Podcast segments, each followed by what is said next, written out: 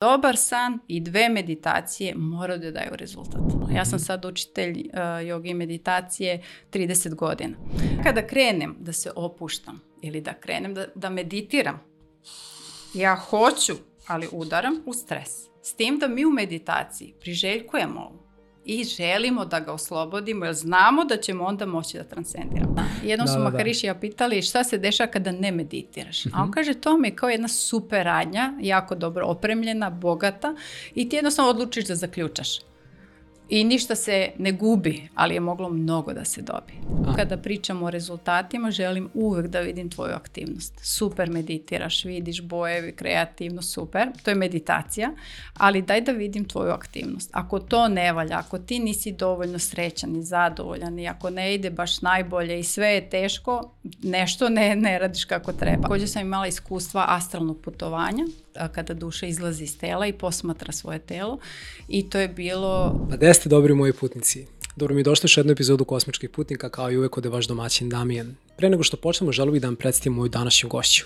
Ona se zove Maja Milićević. Maja Milićević je sertifikovani učitelj joge i transcendentalne meditacije već punih 30 godina. Takođe je predstavnik za Srbiju u okviru Evropske joga federacije i Svetskog pokreta za jogu i ajurvedu. Još kao devojčica imala vrlo jaku intuiciju propraćenom bogatim vizijama koje je iskazala kroz slikarstvo, dok se sa meditacijom i jogom upoznala već u svojoj 13. godini. Sa 18 godina je završila obuku u Ukrajini i Švajcarskoj i postala najmlađi učitelj transcendentalne meditacije i joge na našim prostorima. Učila je od jednog od najvećih učitelja modernog doba, Maharishi Mahesh Jogija, od koga je primila znanja vezana za transcendentalnu meditaciju, yoga sutre, ayurvedu, džotiš i vastu. Neki od majenih brojnih klijenata su Jelena i Novak Đoković, Biljana Janko Tipsarević, Severina i Selma Hayek. Sarađivala je i sa brojnim kompanijama i institucijama kao što su jedinica SAI sa komandantom Spasojem Vulevićem, Delta Holding, BMW, Honda, Nordeus, Havas Adriatic, Američka ambasada i Coca-Cola. Osnovala je Holističku akademiju Maja, kao i brand Bliss and Peace, takođe i direktor škole za joga učitelje. Da li ste se ikad osjećali da ste pod prevelikim stresom, da ste depresivni, anksiozni, izgubljeni, hronično umorni i kao da vas inercija svakodnevnice vodi u pravcima nad kojima nemate nikakvu kontrolu. Maja smatra da se rešenje za sva ova stanja, kojima smo svi u manjoj ili većoj meri izloženi u modernim uslovima života, može pronaći u jednoj drevnoj praksi koja je ona posvetila gotovo ceo svoj život. Ta praksa se zove transcendentalna meditacija i celo ovu epizodu smo posvetili upravo njoj, kao i tome kako ju je Maja otkrila i primenila u svom životu. Cilj ove epizode jeste da nas upozna sa suštinom i svrhom transcendentalne meditacije, kao i da raspreši sve mitove i negativno uverenja u vezi sa ovom praksom do kojih je došlo usled manjke znanja i nerazumevanja. Zato smestite se udobno, duboko udahnite, upustite se i uživajte u ovom meditativnom putovanju na koje nas je Maja u ovoj epizodi sve povela. Ukoliko vam se dopada sadržaj kosmičkih putnika, postoje dva načina put kojih možete da podržite nezavisnu produkciju i viziju ovog kanala. Prvi i definitivno najbolji, a i najjednostavniji način jeste da kliknete na ono malo dugmence zaprati i da podelite ovu epizodu dalje. Drugi način je jednokratne donacije putem Paypala. Hvala vam i vidimo se u kosmičkim putnicima.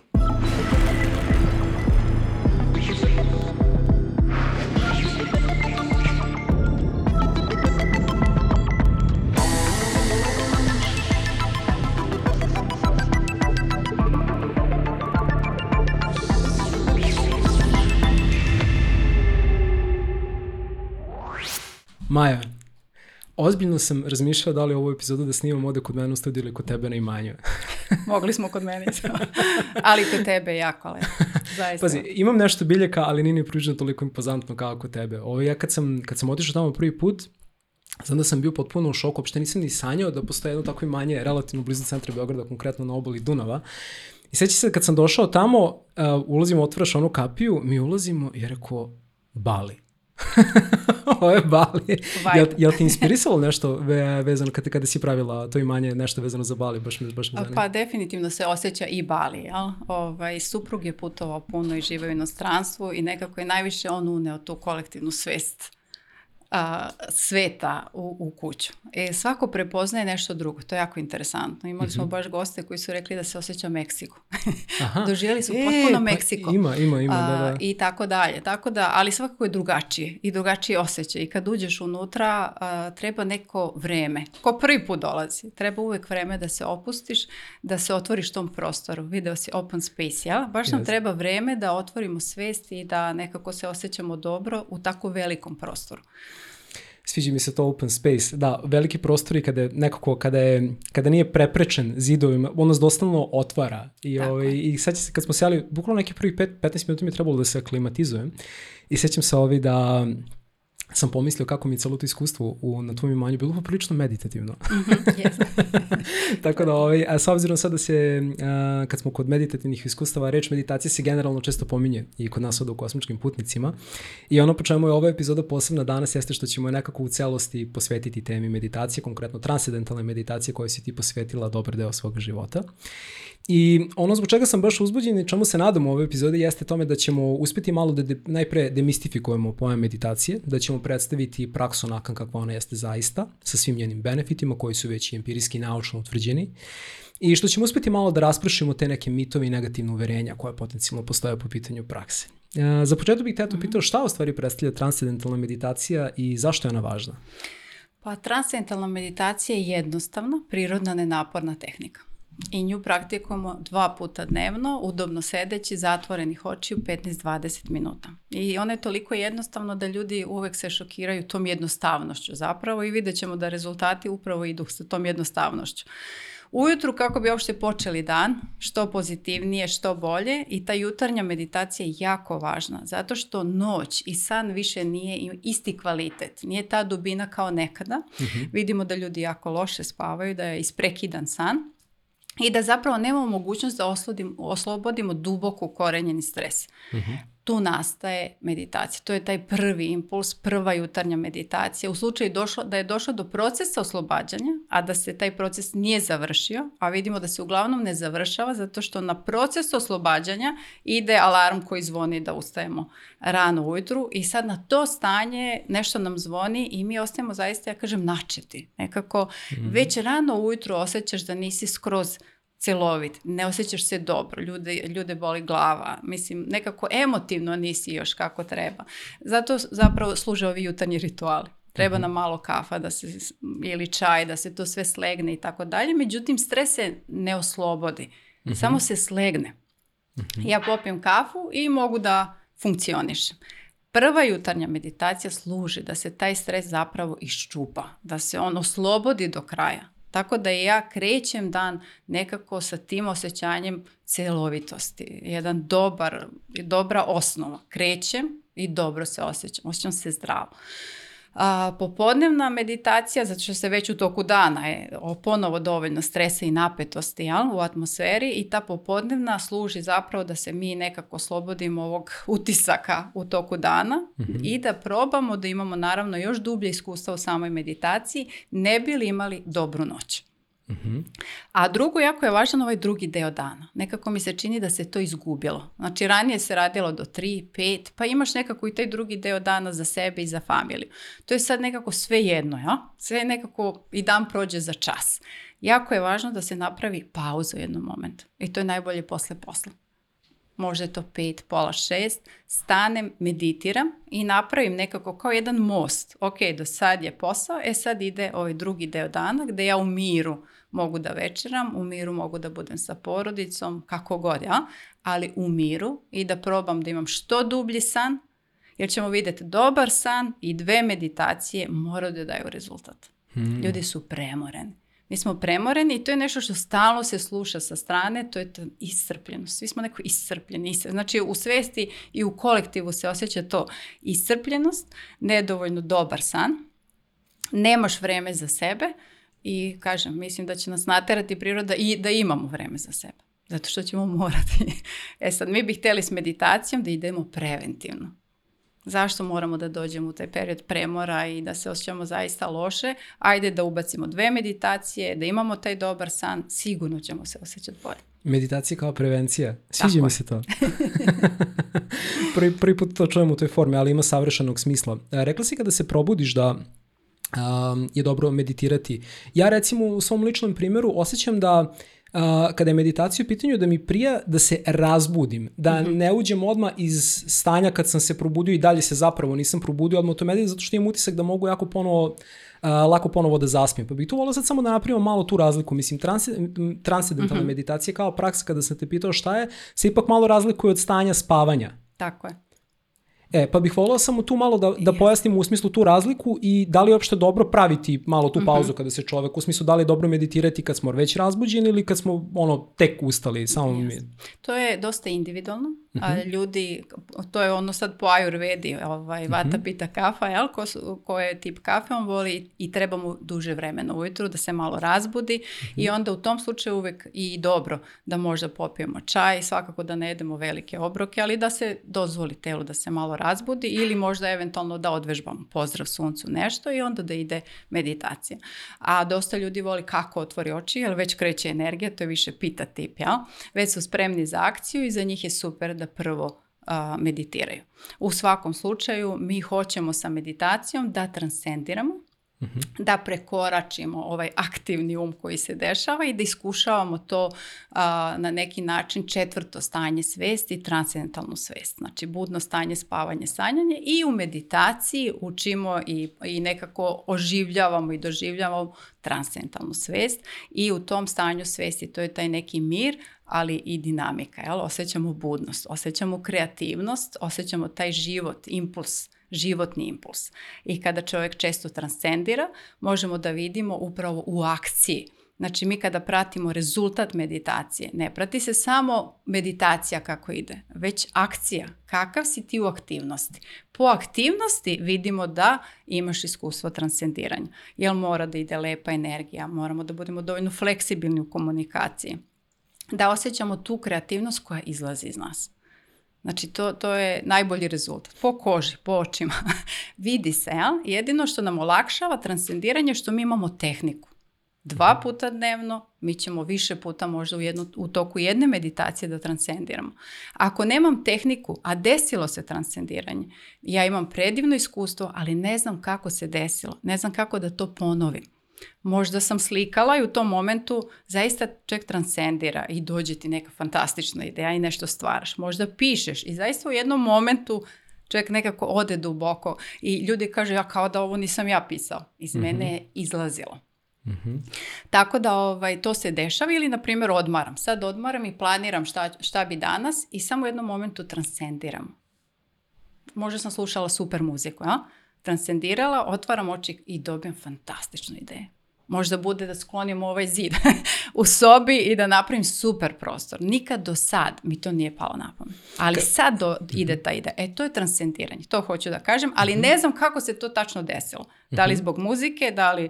E, zato mi imamo tehniku koja sigurno dovodi do transcendiranja. E sad kad kažeš, znači, um, transcendiranje, um, šta je to, u, volio bih to samo još malo uh -huh. da pojasnimo, znači šta je to što se transcendira, uh -huh i šta je to, odnosno koja je to destinacija kao koja nas transcendencija vodi? Mhm. Mm -hmm. Uh, ako hoćeš mogu da nacrtam Aha, ovaj, možemo, da, da, smo da, ovaj... uvek je najbolje kroz crtanje ja mislim i kroz analogije da.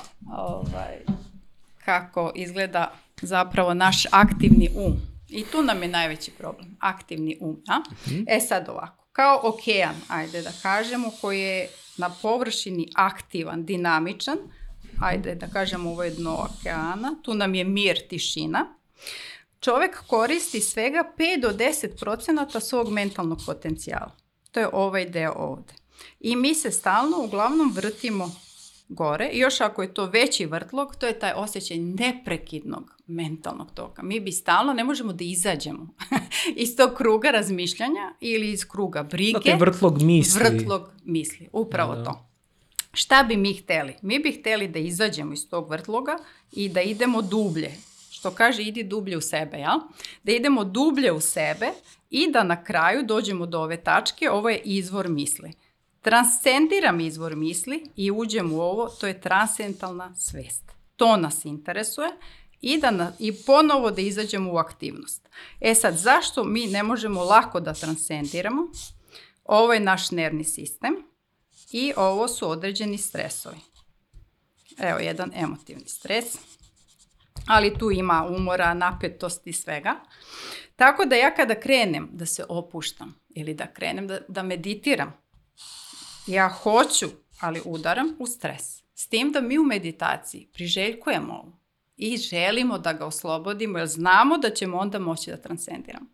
Ako ja udarim u stres i odmah me izbaci na površinu, kad se to desi, na primjer, jednostavno gledamo neki lep film, stvarno nam je lep mm -hmm. i mhm. počinjemo da se opuštamo.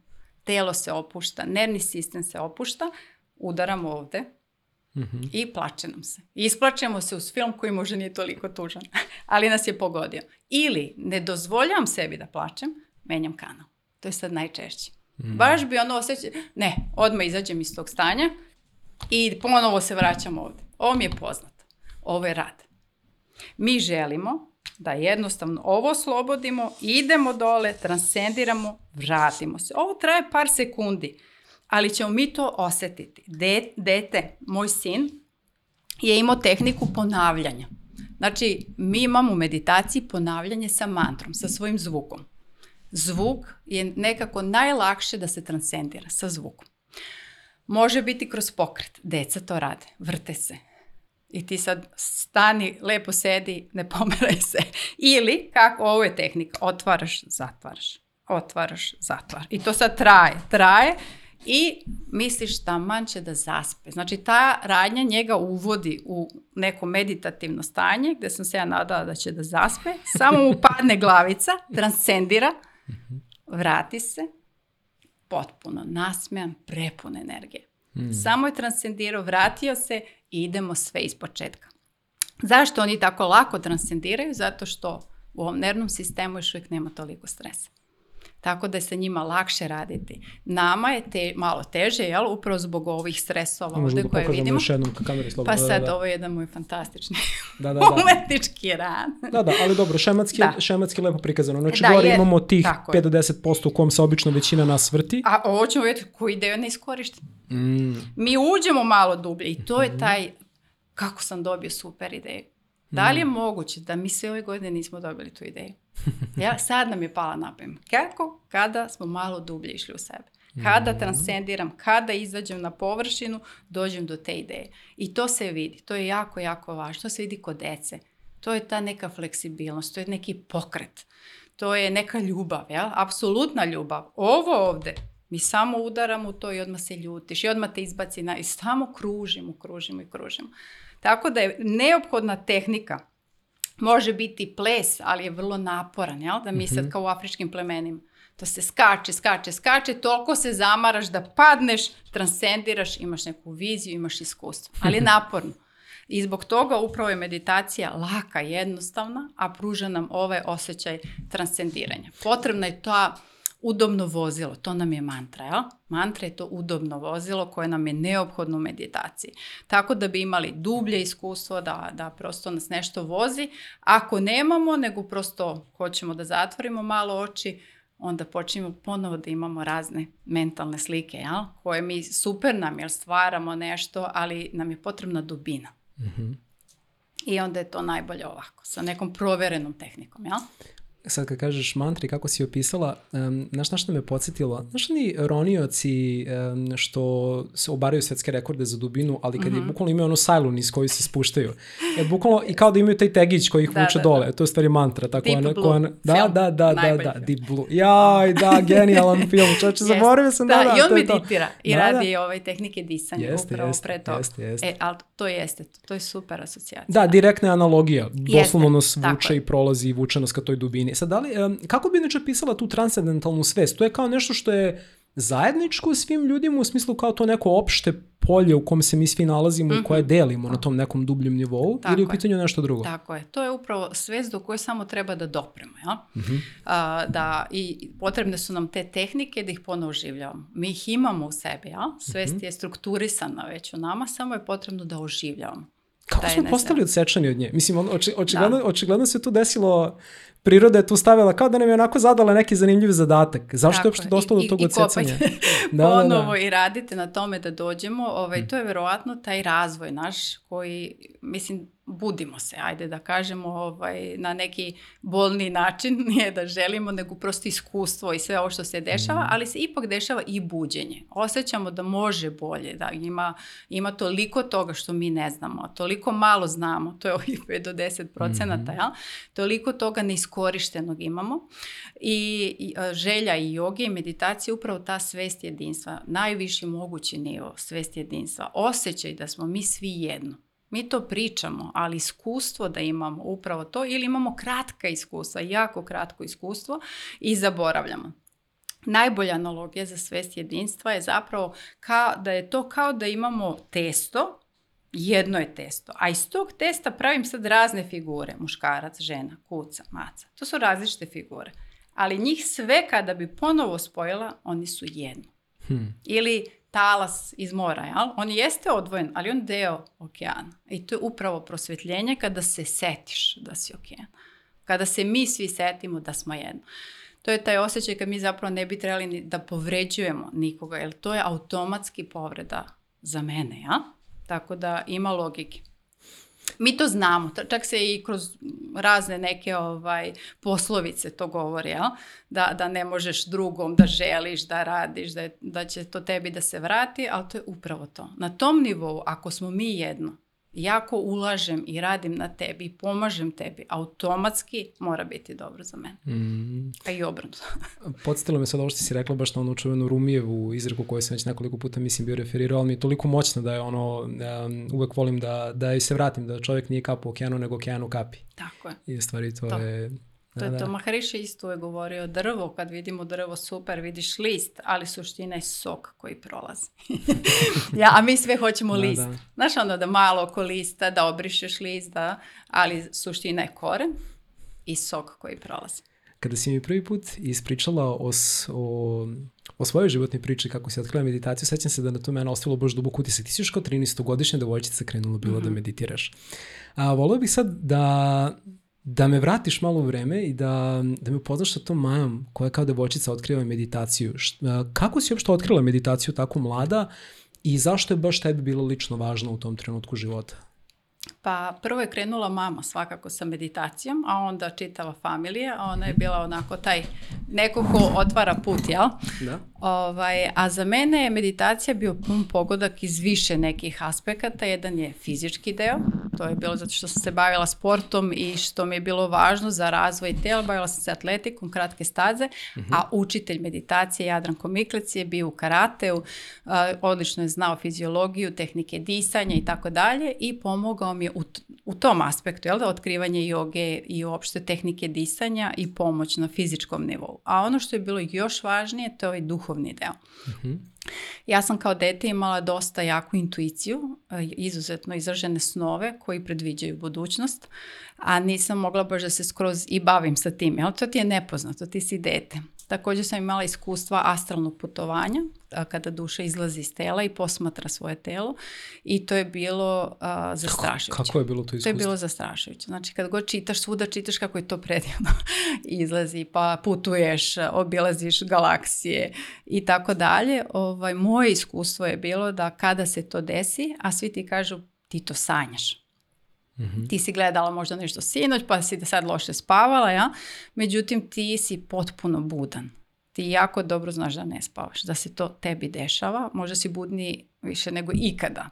Ovaj, I posmatraš svoje telo, jedino želja koju imaš to je da se vratiš ponovno u tijelo. Mm. I samo to ponaš. Samo da se vratim u tijelo. Samo da se prosto gledaš sebe nekako od gore i jako želiš da se to zaustavi, prekine.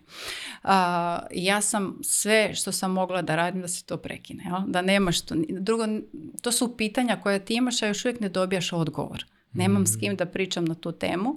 Prvi put sam o tome mogla da pričam sa svojim učiteljem Jadrankom Miklicom koji je rekao to je fantastično. Svi bi mi želili Majo takvo iskustvo, pa to je fenomenalno. Mi gledamo nešto da je prosto normalno iskustvo, da duh izlazi, a telo je nekako kao kuća ili neki hram gde mi u ovom životu smo privremeno. Mm-hmm. Iskustvo koje imaš je super i tako. I onda uopšte priča o temu, o višim stanjima svesti, o transcendiranju je meni strašno značilo. Tako da sa 13 godina ovaj, upoznaješ neko ko se ko zna na tu temu, ko ima neko to iskustvo kao znači, i ja. Znači to ti se desilo kad si imala 13 godina? Da, i pre prvi, toga. Prvi put I, I pre toga. S 13 sam počela da dobijam bar odgovore, jel? da nekako mm. znaš šta se mm. dešava. Pre toga naravno da te plaše. Plaše te snovi kada možeš da vidiš los, loše situacije, a ne znaš zašto to vidiš i kako da pomogneš ili kako nešto tu da promeniš. Jel? Samo svedočiš situaciji, samo svedočiš i to je zapravo za dete jako opterećujuće.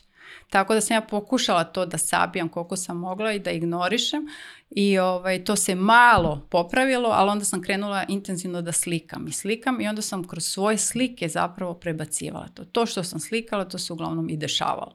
Znači ponovo ka kanal imaš, razne kanale, tako da svakako slikaš, intuitivno pustiš se i onda nešto naslikaš, a onda za tri dana pogledaš i to je neka scena koja se desila. I bi navela neku da. takvu scenu, mislim ne, ne, neko koja mm -hmm. ti mhm. onako ostala, mislim kao drago dra, drago upamćena da ti se manifestovalo nešto što si naslikala? A, nisam baš možda imala drage. drage su uvek bile ovaj, nekako ipak blago neprijatne. Ovaj, mm -hmm. Sećam se jednog crteža ovaj, kojeg sam nacrtala. Gledali smo uveče TV i nekako crtaš, crtaš, crtaš i to je bio neki automobil i onda čovjek koji leži pored tog automobila. Čak U, sam i broj pet, pa neku planinu Puno detalja je bilo na slici i to sam ostavila. Ja mislim da je dva dana posle toga me baka sačekala na kapi i rekla da je jedan naš rođak pogino. Yeah. Baš na jednoj klisuri u pet ujutru. I našli su ga da je nekako ispao iz toga automobila. To su ti detalji sa slice, slike. Tako da, na primjer, eto, to se deša. I naravno da ste ponovo preseče. Znači, ne otvarate, nije da kaš, wow, ja to mogu ili da vidim kako to da razvijem, nego se još više zatvoriš mučno. Jer je da. opterećujuće. Da. I onda posle kad da šta jedno dete da radi sa tim? Da, Bukvalno da, sad e, razmišljam o tome kao šta to, jedno da. dete da radi sa takvim Jeste. znanjem. Da, da. Jeste, tako da, ali dobro, to je taj, ajde da kažemo, put koji, to je moj put, jel? a mhm. kasnije su me sve ove tehnike a, pomagale da, da taj deo sebe i razviješ i ne sputavaš više toliko. Evo i dan danas se vraćam tom slikanju, čak sam i slikanje onda ostavila, jedan dug period mm-hmm. i mhm. sad se ponovo vraćam na slikanje i to stanovično, to je kao moja terapija. Puštam i sebe zapravo da to teče i ide i ovaj, po prvi put možda i uživam u tom pitao sam te bio za neku dragu uspomenu, jer kad sam bio kod tebe na imanju video sam jednu sliku koja je bila dosta šarana i kao da sam primećivao obrise nekih ljudi koji su se okupili zajedno. Mm -hmm. Ostavilo mi jedan jako lep i topao osjećaj kad sam je pogledao. Jeste. Ove, ovaj, ne znam da li je bila sad u kojoj tačno prostoriji, ali znam da sam baš ovaj, del, delovalo mi je kao da si prikazala neku lepu zajednicu dušta koja su se sastale i koje mm -hmm. su mhm. nekako tu da nešto odrede i onda mi je to baš onako Jeste, bilo. zadnji period baš tako i slikam dosta mhm. nekog okupljanja i duša ili nekih drugih bića ili, ali pustim, mislim, to što na naslikam, pustim, posle posmatram, ako mm. može nešto da se vidi, ako, ako ne, to je to, ja? Uh, I dobar je osjećaj. Mislim da je to isto sad moj novi vid meditacije. Mhm. Fascinantno mi je kod iskustva astralne projekcije, ja ga lično nisam doživao, ali poznajem neke ljude koji jesu, I uvek je zajedničan taj, zajednički taj utisak da mi nekako kad pročitamo nešto u ezoteričnoj literaturi dođemo do toga da je naše telo samo kuća duše, I neverovatno mi je svaki put kad čujem nekoga ko je imao to iskustvo, ko e, se upravo iskustveno uverio to da je telo samo kuća duša. Mm -hmm. Znači ti si doslovno gledaš u svoje telo svešću koja je van tog tela. Jeste, to je neverovatno iskustvo. Potpuno neverovatno. Ali mislim, ja i kad sam pričala vidim da ljudi imaju to iskustvo, rade intenzivno na tome, ali i mogu da se puštaju dalje. Znači hoće kada izlaze, mm -hmm. raduje ih nešto drugo da vide ovaj, ja, ja se tu nisam usudila. Verovatno je, su i godine, naravno, ne znaš, da, ili da, da jednostavno da, da, želja da se ne rizikuje da negde odeš, želiš da si u svom da, telu. Da. Kako se dalje razvio taj tvoj put, pošto ono što je zanimljivo i karakteristično za tebe da si postala u jednom trenutku najmlađa učiteljica meditacije na našim prostorima. Kako je, znači, od te jedna devojčica koja otkriva meditaciju, koja imate vizije i iskustvo koje ne znam baš kako da obradi, polako izrasta u najmlađu učiteljicu meditacije? Mm -hmm. Pa svakako je veliko velika podrška i, i familije. Jel? Oni su mhm. imali razumevanje za to. Majka je već u tom nekako takođe e, tim putem išla meditacije i joge, roditelji, baka, deka, svi su razumeli taj deo, iako je bilo malo čudnije, zato što sa 16 godina mi smo na imanju uh mhm. -huh. i tu je naravno puno životinja bilo ovaj, da. i ja sam odlučila da budem vegetarijanac. I to za to vreme je bilo ipak šokantno, znači kako se nositi sa tim kako, i odakle šta, šta to, jesti, odakle i kako ćeš se razvijati dalje.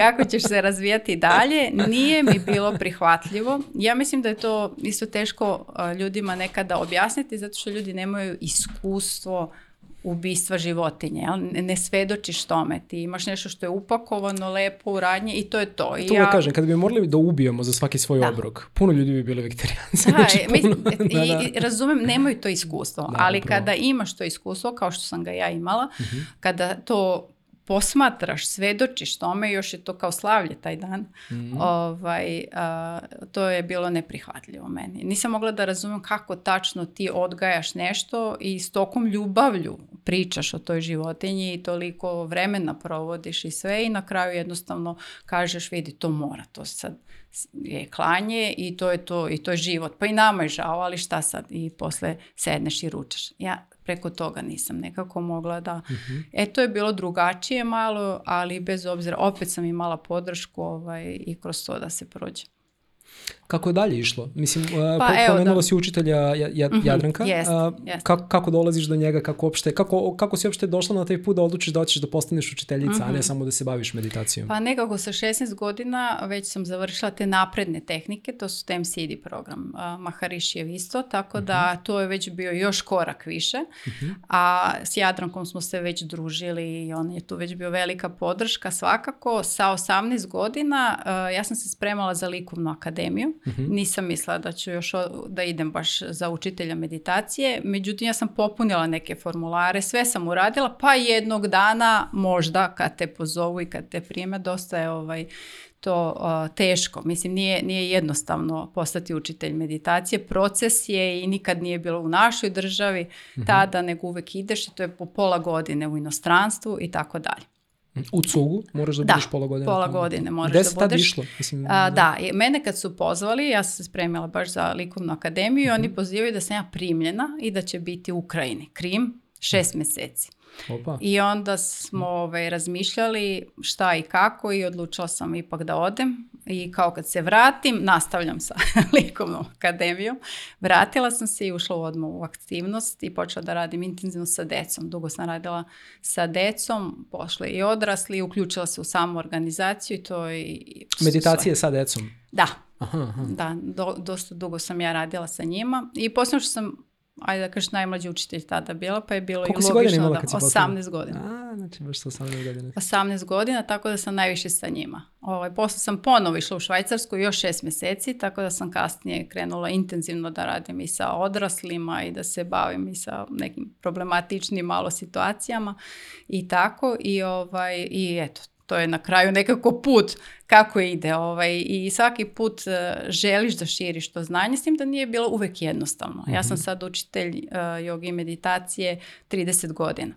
Uh, ti kada si rekao da si učitelj meditacije, to je bilo ne tako prihvaćeno, jel? nekako joga med, kasnije, med čega, ne? Da? nekako, joga nekako, ali transcendentalna meditacija, kao joj nemoj molim te, kao pa to je nešto, oni samo znaju da je to nešto strašno, da je to nešto strašno i opasno, a, i, ali joga onako nekako je bilo, ajde prvi korak ipak da se prihvati joga i da se malo vežba. Kao neka fiskultura. Fiskul, da se istežeš, da, da, da. nikakva filozofija, ništa da, da, to, da, malo da se istežeš i tako, a kasnije možda sa meditacijom, ali svakako je proces bio jel? i mm-hmm. radilo se dosta a, na tome da se ljudima zapravo prikaže koliko je ona jednostavna, prirodna, da već u to vreme preko 5 miliona ljudi u svetu ovaj, meditiralo. mm i koliko je neophodna, opet se vraćamo na prevenciju, jel? Da, da ne dočekamo neki moment premora, preiscrpljenosti, prevelikih trauma i stresa, nego da krenemo sad, da meditiramo već i da međutim ovaj, ne ide to tako jednostavno. Sad je malo bolje jel? i ljudi imaju neko razumevanje, ali nije tako išlo glatko. Um, ako sam te dobro razumio, pošto si sad rekla kao, opet kao prevencija, mm -hmm. uh, time što usp praktikujemo meditaciju, mi doslovno punimo te neke svoje energetske rezerve koje se inače troše kroz svakodnevnicu. Tako jer bismo to mogli tako onda dopišemo. Da. da prvo oslobodimo tu napetost koja je prirodno dolaze ja, mm. u mhm. toku dana. Nju moramo nekako da sklonimo i da onda već osjećamo da smo opušteni. I u mhm. tom opuštenom stanju oslobađamo možda i neki onda duboko ukorenjeni stres. Ne oslobađam samo ono od juče, nego ono kad sam bila mala. Ja? To je A mi sada kad se malo opustimo, prvo moramo da oslobodimo ovaj površinski stres mm-hmm. koji je napetost i, i neka anksioznost možda iz današnjeg dana. Tako da je važno da, da smo redovni, da je to proces i da to je kao kad imamo, ne znam, upravljamo ga, mi znamo da imamo mašinu za pranje mm-hmm. a, mhm. veša, i ok, menjam garderobu, ali kao nema veze, opraće se. E to je upravo kao i meditacija. Ja znam da sad dolazi neka napetost ili nešto se dešava jel, u gradu ili nije ni važno, pređem ulicom, neko zatrubi, ali imam tehniku s kojom to rešavam. Pomenula si već dva put uh, ime Maharishi. Mm -hmm. um, ne možemo da, naravno, da ga ne pomenemo, tvorac transcendentalne meditacije čuveni Maharishi Mahesh Yogi. Ko je u stvari bio Maharishi Mahesh i kako je izgledao tvoj prvi susret sa njim, s obzirom da si, da si imala priliku i lično da ga upoznaš? Maharishi Mahesh Yogi je vodeći zapravo naučnik uh, na bazi svesti, jel? da kažemo iz tog polja uh, svesti i njegova ideja je bila da stalno obnovi vedsko znanje i da spoji tradicionalno vedsko znanje sa naukom i da to bude naučno dokazano. Zato ova tehnika ima preko 600 naučnih dokaza. Mahariš je magistrirao fiziku i znao je da zapadni ljudi zapravo traže dokaz. Osim iskustva. Je fizičar? Jeste. Nisam znao to, jeste. da, da, da, zanimljivo. Tako da, da, da je da. razumeo mnogo bolje to i radio je mhm. jako puno upravo na tim istraživanjima i da se to dokaže, da se tehnika stalno dokazuje i da ovaj, naravno pomoglo mu je u tome izlazak na zapad, on je rođen inače u Indiji 12. januara 1918. Umro je u Holandiji svojih 90 godina ovaj, u Vlodropu, ali trudio se jako da upravo nekako spoji to i da, da zapadni čovjek to prihvati i da razume. I ovaj, kada je došao na zapad 60. godina, naravno velika podrška su tu bili Beatlesi, ovaj, ov, mislim, poznate ličnosti, zaista, jako puno nožih, da, da, David Lynch u tom svest. momentu. Da, da, da, da, da, da. Mislim, ipak ljudi veruju kada neko izađe, jel, ko je možda u tom trenutku bio velika ličnost, ispriča svoje iskustvo. I tako da tih 60. počinje da se i širi znanje i ovaj, neki prosperitet, dolazi do velikog prosperiteta. Mhm. Tako da se jako puno napravilo i dan danas imamo tih istraživanja i pokušamo da nastavimo sa tim istraživanjima. Maharišijeva zapravo velika želja je da se napravi jedna velika grupa ljudi koja bi meditirala u isto vreme na isto mestu i da taj efekat te grupe, a to se naučno dokazalo, da je potrebno 1% od broja stanovništva, jel? ne znam, za Srbiju je to sa 300 ljudi, a, da meditira u, u ono istog momenta, 300 ljudi da meditira u isto vreme, pozitivan, moćan uticaj te grupe bi se širio na kolektivnu svest. E, I tu se naravno prate istraživanja šta se dešava, prijem u bolnicama, u zatvorima i tako dalje. Šta se zapravo tu dešava? Dešava Mislim, se, da se, da, da se taj mir unosi u, znači smira, ja? Uh mhm. mir i to jeste kao jedno od rešenja kako doći do svetskog mira kroz mhm. velike grupe koje bi meditirale da se taj uticaj pozitivne harmonije, ajde da kažemo, uh-huh. širi nekako na okolinu i ovaj, sad pokušava, evo poslije dosta, dosta godina pokušamo da napravimo jednu grupu od 10.000 ljudi, Katar je u pitanju, da probamo par nedelja, jel nije ni realno sa duži period, ljudi imaju obaveze i tako dalje, ali da postoji jedna grupa od 10.000 ljudi na jednom mestu, da se radi istraživanje, mhm. da li ta grupa crkva može da izvrši taj neki pozitivan uticaj na svet. Mhm. Šta bi, mislim, jel bi, šta bi, bio, pa, šta bi bili parametri za istraživanje? Jel bi gledali kao lokalno šta se dešava u Katru, recimo da. za početak, mm pošto bi se grupa nalazila u Katru, pa kao da li bi krenulo nešto se dešava? Da, ja pretpostavljam naravno da je, da je to, ali bi i za ceo svet. Njihova Zanimljivo. ideja jeste ceo svet. Pre Zanimljivo. toga pokušamo da svaka država organizuje. Mm. Znači mi ćemo imati isto na Divčibarama krajem jula ovaj jedan takav skup i pokušaj da se ljudi koji već meditiraju da se mm. okupe, ljudi koji imaju neke naprednje tehnike, ljudi koji nisu još naučili tehniku, bit će super šansa da nauče, ali da se već tu priprema, da imamo da li Srbija može da skupi neki broj ljudi koji bi meditirali. Ja se mhm. nadam da tamo od septembra ćemo i u Beogradu napraviti negde ovaj, upravo tu jednu zajedničku meditaciju, možda jednom nedeljno, da okupimo što veći broj ljudi da naravno naš je cilj da se ljudi koji su u transcendentalnoj meditaciji nekako regenerišu, ali da i drugi ljudi koji koriste neke druge tehnike i druge meditacije su takođe ovaj, dobrodošli, jer je namera ista. A namera je da nešto doprinesemo i da se stvara taj mir jer vidimo da kolektivna svest je dosta nemirna i da Trebaju i to. Nije najbolje, da. Mm. Čak i ovo što se organizuje, ova velika grupa, prvo smo rekli, wow, super, a onda kao, šta to znači? a kad je hitno, jel? Kada hitno mora da se napravi grupa, šta to znači? Da li situacija je zaista zabrinjavajuća u svetu? Mm, da, hronično već, nažalost. Da. Um, kako izgleda tvoj prvi susret sa Maharišijem? Ti si pa, Maharišija da smo, da, u Holandiji uglavnom je Maharišija bio sedište. Pa to je puno godina unazad, jel? Mi smo odlazili često koja god smo mogli u Holandiju i to je bio najbolji način način da, da budemo i blizu Maharišija. Čak i kada se ne vidi Mahariši uživo, nego si na imanju gde je on bio, to je neverovatna energija. To je zaista neverovatna energija. Osećaš odmah kako upraš, uđeš u to mirno stanje svesti. Ovaj, a dosta vremena smo provodili sa njim preko telefona. Ja sam bila u savezu ovaj, u organizaciji samo i uvek su bili neki projekti, nešto, tako da smo slušali uvek njegov glas preko telefona i on je uvek želeo to globalno nešto da uradi. Mm -hmm. A, prvi put sam ga čula, a, to je bilo davno, 90-ih. Jako je želeo da Jugoslavija, a uvijek je izgovarao Jogoslavija. Jogoslavija. Jogoslavija. I uvijek je rekao imate neverovatno jedinstvo. Znači prava joga, prava joga, mm. različite kulture i različiti jezici, a nekako živite tu jogu. Nemojte dozvoliti da se to raspadne. I potrebna je ta grupa i ovaj, znamo kako to ide. Ali morala bi da bi postojala jedna takva grupa, morala bi da ide zapravo e, sa vrha vlast bi morala da donese odluku da postoji mm. jedna grupa. Naš predlog je da to bude možda zatvor ili bolnica negde da već postoje ljudi koji su svakodnevno tu, ima ih 300 i da se uvede zapravo samo u dnevnu rutinu hmm. tem i da se vodi na neki način neko istraživanje da li ta grupa može da doprinese. Kako je izgledalo tvoje prvo iskustvo transcendencije? Pričali smo o astralnom putovanju, ali baš konkretno transcendencije. Mm -hmm. kako, si ga, kako si ga doživala? Pa isto što kažemo, kada je čovjek mlađi, lakše transcendira. Mhm. Tako da a, mladi ljudi kada krenu kao i deca, a, to ti je iskustvo nekako a, blisko. I ovaj, a kao što znamo, isto to je ta aktivnost da ti nakon meditacije jedva čekaš da završiš tu meditaciju da bi, jer imaš veću ideju šta. Tako da je ovaj, vuče na tu kreativnost. Znači, hoće da ti već nešto čim završiš, stvaraš, radiš, praviš i, ovaj, i to je, zato, zato se vraćamo ponovo da meditiramo. Niko ne bi meditirao dva puta dnevno.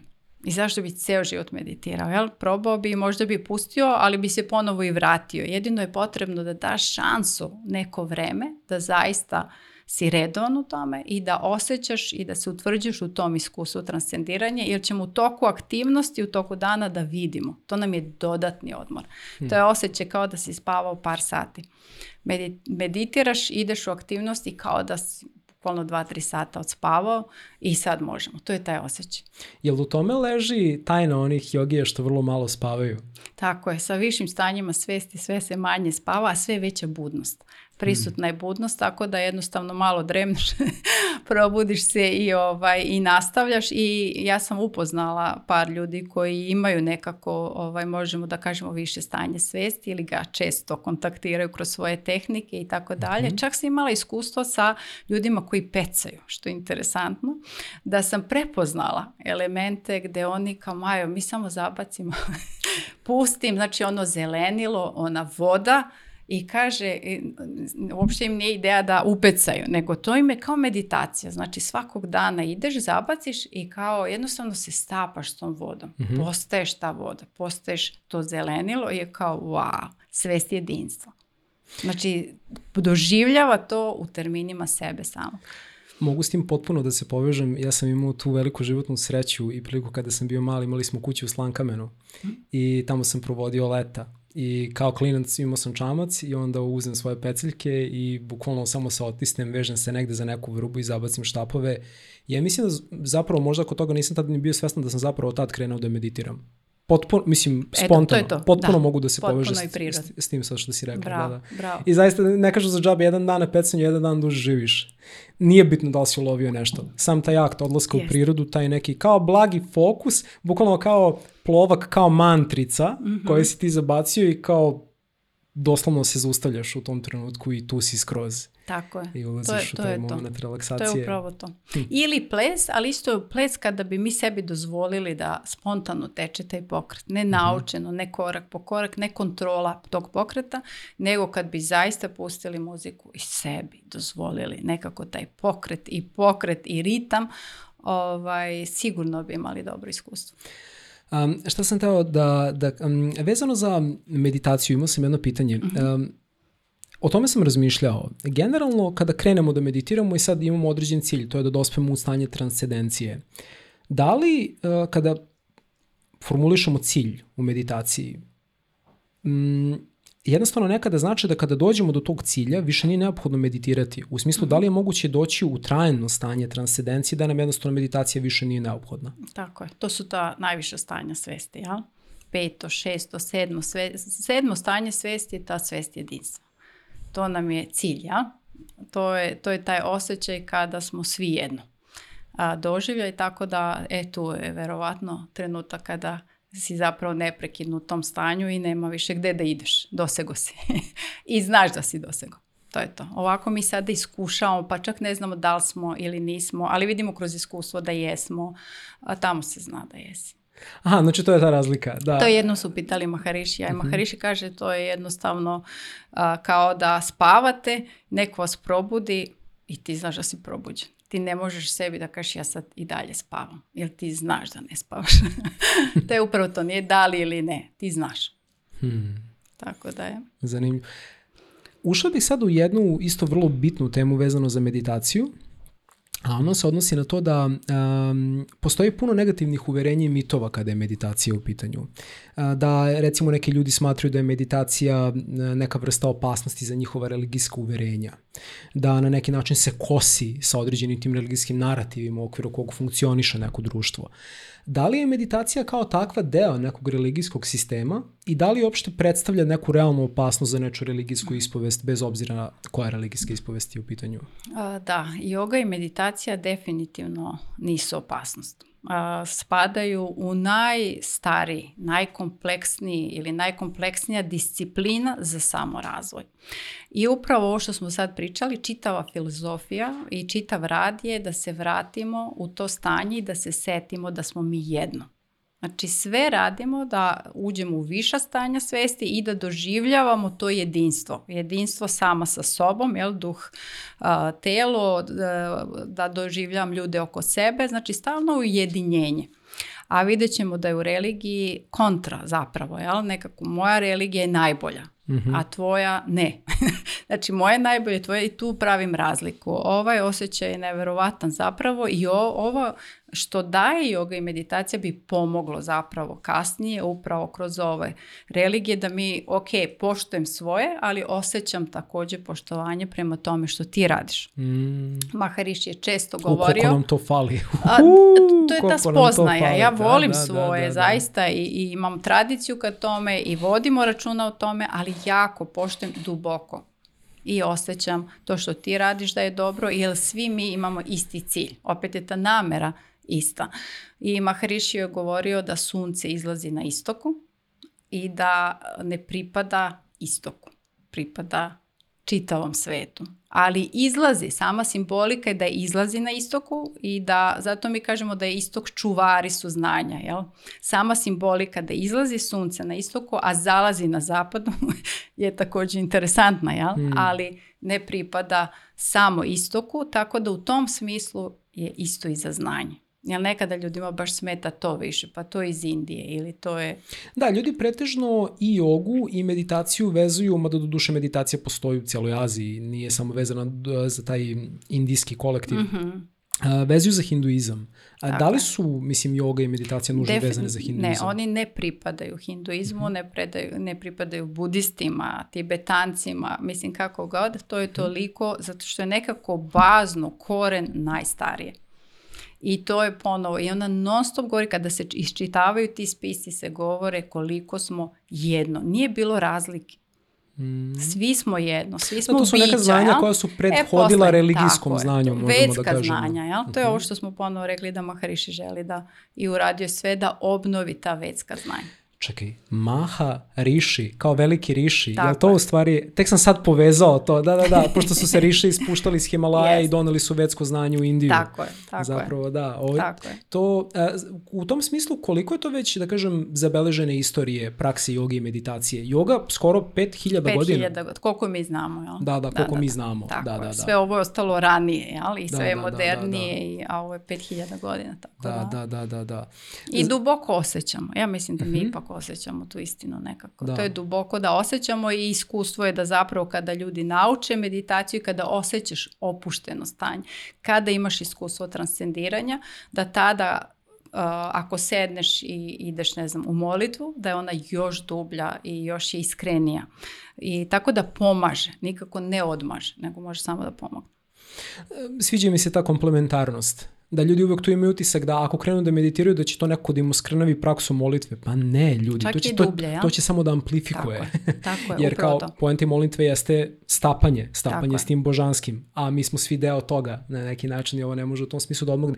Um, tema koja jeste malo delikatna, ali moram da je adresiram. Zašto misliš da je postoji toliki otpor prema jogi i prema meditacija, recimo od strane naše crkve, na ovim prostorima koji su mhm. bukvalno izdali ono dekret da ne, ne, joga apsolutno ne spojiva sa hrišćanstvom božanstvom, zbog čega, šta misliš, o čemu se tu radi? Pa isto je ovo, klanjaš se nekom drugom bogu. Čak kad smo pričali o pozdravu sunca, neprihvatljiv je pozdrav suncu zato što se ipak saginješ i poklanjaš se suncu, a sunce je izvor života, ali je sunce Bog, a Bog je jedan.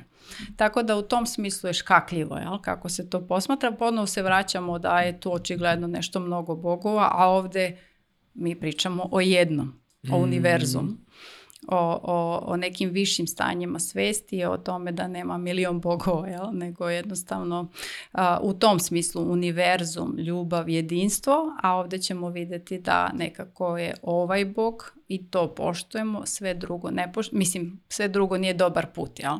Nije najbolji put i ne valja i jako, jako ovaj, reaguju na to što je stalno iz Indije, sa istoka, to nije naša kultura, to nije i stalno pokušamo da kažemo da oni zaista čuvaju ta znanja. Uh, Mhm. a, čuvaju ta znanja, mi ih obnavljamo, ali ćemo takođe videti šta se dešava, to se vidi kroz jogu i meditaciju, upravo kroz ovaj primer. Mislim, interesantno je kako, što smo rekli, izlazi na istoku, zalazi na zapadu, mm-hmm. jako puno učitelja, instruktora, kada završi a, ovaj, ovu školu, nekako ipak ima želju da modifikuješ, jer misliš da je ovako najbolje mm-hmm. ili ovo ljudi traže ili ovo mm-hmm. zapad traže.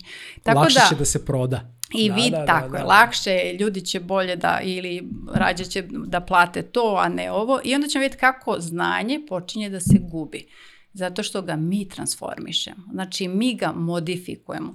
Tako da u tome vidimo, jasno je zašto mi nismo sačuvali ili dalje nismo neki čuvari, nego prenosioci jel? Mm -hmm. a, znanja, ali a, e, u tom smislu zato što zaista smo skloni tome, da ga modifikujemo i da ga polako gubimo. Šta je izvorno znanje? sad kroz generacije, pitanje je, ja? Mahariš insistira na znanje koje, koje je svako od nas kao učitelj završio, da ne sme ništa da menja. Znači mhm. kako bi završio kod mene, mogao bi u Africi, u Brazilu da završiš i potpuno identične korake imaš. Jer mi znamo samo za to kako smo naučili da to funkcioniš. Uh-huh. Bilo kakva promena, mi to ne znam. Ja ne znam da li to funkcioniš. Ovo je sigurno ali hoću skloni smo da kažem da smo skloni da modifikujemo i da gubimo znanje. I možda još opasnije je da primimo parcijalno znanje sa njegovom potentnom moću s kojom onda ne znamo šta da radimo jer nismo upoznati u dubinu prakse. Ram Absolut. Das je održao jedno fenomenalno predavanje, baš pričao je bio o tome kada je 60-ih, kada je istok na velika vrata prodro u zapad, kada su se pojavili ljudi i sa Tibeta, i iz Indije, i iz nekih lamaserija, znači iz Japana, kad je došao i zen budizam, i yoga. I seća se kaže da su ljudi krenuli da rade određene prakse, ali su krenuli onda da ih instinktivno prilagođavaju njihovim uslovima života. Jer kao, pa dobro, ne možemo baš da sedimo 16 sati dnevno u meditaciji, recimo ako vi pasa, mi ćemo to malo i radit ćemo vežbe disanja i imat ćemo neki benefit, ali baš zato što ne razumemo, krećemo da budemo nasilni prema praksi na neki mm -hmm. način i krećemo da a, sa parcijalnim znanjem se trudimo da utičemo, da primenjujemo to znanje na, ne, na, na neki malo krupniji, na neki krupniji kontekst i pravimo nužno time haos. Mm -hmm. Odnosno, ego naš vodimo na neki viši nivo. Jer određena vežba disanja može da nas dovede u neko stanje, ali ako nismo sebe pročistili sa praksom pre toga, mi zapravo krećemo da budemo destruktivni i prema sebi i prema ljudi oko nas. Tako je. Moramo biti pažljivi. To, to je isto, kažem, nedostatak znanja mm -hmm. ili olako uzmemo neku informaciju. Ja se sećam, prvi put sam se susrela sa tim u Indiji kada sam radila stoj na glavi. I kada me vidio da. njihov učitelj rekao, pa to ni slučajno ne možeš, da li si radila detoks tela, Iako tetog stela kao... Pa stoji, kao, kao radnim stoje na glavi. Kao da, ne, stoje na ne, da. glavi, to je bilo nekako kao deo časa. Međutim, mm -hmm. to nije, znači, ceo postupak čišćenja tela, jer u momentu kada je obrnut položaj i sve ide u, u nervni sistem, u mozak, mora biti pročišćeno zapravo da nismo puni toksina, ali pa to je savršenog smisla. Znači jednostavno i onda staneš kao, ne bi, da, da, kao, ne, niko okay. u životu ne bi razmišljao o tome, ali ima tako savršenog da, smisla. Da, ima, definitivno. Eto, da. to su, mislim, to su te stvari, jel, tako da. I dosta da. stvari koje sam ja videla u Indiji, baš sam pitala kako postoji, to su neke marme, a, tačke na telu gde oni pritiskom a, mogu da, da pritisak bukvalno na tačku tela, na primjer kod životinja ih stave u stanje da spavaju. Znači oni duboki san hmm. i kaže kakva anestezija, ovo se radi ovako, uspavaš, pritisneš ovo, pritisneš ovo, onda se podigne i ovaj kao wow, Čekaj, to pa, bi nam trebalo. Jel pali na ljudima? A, ne, nismo isprobali, nismo isprobali. Čisto ako ne mogu da zaspim kao jel mo, to bi bilo super. I jasno mi je zašto, zašto nije davao informacije dalje, jednostavno je to mhm. to, znači pokušao je, pokazao je ovaj, na životinjama da. i rekao da to bi bilo super da se ne ulazi u otrove u smislu anestezije anestezije, nego se može pritiskom na tu tačku, ali nema šanse da prenosi to znanje, odlazi zapravo sa njim sada. Nema poverenje da prenese nekom, možda će do kraja da nađe i jasno je zašto. Mislim da kada bi mi naučili, mi već imamo ideje šta bi, a onda bi sigurno došli do neke zloupotrebe. Hmm. Pomenula si da je već preko 600 naučnih radova bilo rađeno mm na mhm. temu transcendentalne meditacije i to je, mislim, u 160 nezavisnih institucija. Tako. Verovatno jedan od najtestir, najtestiranijih Jest. vidova meditacije. Um, da li bi izdvojila neki naučni rad koji ti onako deluje interesantno i šta je on dokazao u vezi sa transcendentalnom mhm. meditacijom? Mm -hmm. Pa zaista ima jako puno. Meni uvek najdrži ovaj eh, što smo malo ispomenuli, jel? Da, to je grup, utice grupe na kolektivnu svest. Hmm. To je jako interesantno, ali svakako je možda o, da se smanjuje zapravo reakcija na stres. Eh, da, da drugačije reagujemo. Ima jako puno tih naučnih istraživanja. Koliko A kako su to da su merili moždane talase, su ljudi uvodili eh, kao su stavili neka U toku meditacije ili... se isto uh, gleda šta se dešava, ali se gleda i nakon meditacije i prati se par mjeseci mjeseci naravno grupa koja ne meditira, grupa koja redovno meditira i naš uh, odgovor na stres gdje mi vidimo ipak mnogo lakše, nežnije uh, reakcije, bolji san. Uh, pa čim vidimo da je tehnika zapravo utiče na smanjenje tog stresa, na duboki odmor, mi ćemo sve kasnije ta istraživanja vidjeti koliko to ima logike, ali da je mm dublji san i da je reakcija na stres drugačija, da se kreativnost povećava, što je izuzetno meni interesantno i David Lynch dosta priča o tome. Mm -hmm. Za kreativne ljude koji ili imaju blokadu ili su stali, evo, tem, radite jedan period i da vidimo ako postoji, ako je sve kako treba, mora da se ponovo pokrene i vidjet ćemo upravo to istraživanje, povećanje kreativnosti. A, mentalna aktivnost, jednostavno u nekom momentu mi imamo ošće da to stane s godinama, ili, a zapravo stane sa količinom stresa sa količinom informacija koje mi nekako ne možemo da svarimo ili ne možemo da kanališemo i mi smo puni. Mi sad imamo ogromnu želju da čitamo nešto, mm -hmm. ogromnu želju da saznam malo više o ovom i kupit ću te knjige, stavit ću pored, i, ali kao da nemam prostora više još i to. Ili nemam vremena, ali to, to nije skroz istina. Jel? Uvijek se nađe neko vreme, nego jednostavno ne možemo više da primimo. I to je nešto što ja isto govorim da je telo kao da je napravljeno, ne znam, na 800 vati protok informacija i stresa je 1000 i dolazi do pucanja trenutno mhm. tela, a, emocija, psihe i ono što će se zahtevati od nas je to je unapređenje fiziologije. Moje telo mora biti snažno, jako, fleksibilno, da sve ovo što se dešava, a to su i klimatske promene, a? Mhm. sve što se dešava moje telo može da podnese. Znači, dođe, prođe, ode. Super, malo me ovde nešto zaboli, ali je dovoljno fleksibilno. Uh, Mahariš isto mnogo puta govorio da je to kao kad imamo suvu granu koju natežeš i pod pritiskom ona mora da pukne. Mm -hmm. Imamo fleksibilno, saviješ se, vratiš se. Fleksibilnost, znači vraćamo se da je to jako važno za telo i naravno meditacije tehnike koje će nam pomoći da čiste ovaj stres koji je ogroman i taj protok informacija na dnevnom nivou koji prolazi. Ako ne bude protočno, ako se ne čisti sa ove naše rešetke, a, mhm. a zaista ćemo osjećati da, da nismo dobro ogroman stepen napetosti, nasilja mm I, i to mi sad osjećamo. Jel? Da, to se da, dešava i da, to mora da. da. se nekako pročisti i to je to. Znači zahtevaće od nas uh, usmerenje na sebe o, zahtevaće energiju, vreme, jer to je vreme, ja? kao što je meditacija dva puta dnevno, to je ipak vreme, to je 40 minuta.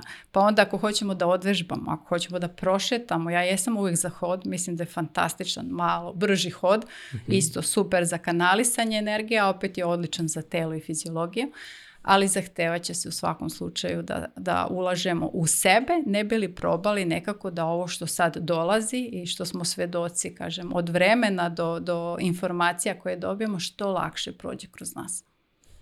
Slušajući te sad kako pričaš o svemu u ovome, baš ovaj, dolazim do to zaključka da ova ravan u kojoj jel, svi postojimo, ako je po nečemu karakteristična, jeste po tome da je prepuna izazova, koji se sad manifestuju na različite načine u skladu sa nekom našom autentičnom životnom pričom I um, na osnovu svega što si mi do sad rekla i na osnovu neke moje prakse lično sa meditacijom definitivno postaje jasno da ona jeste vrlo moćna alatka koja nam pomaže u suočavanju sa tim izazovima.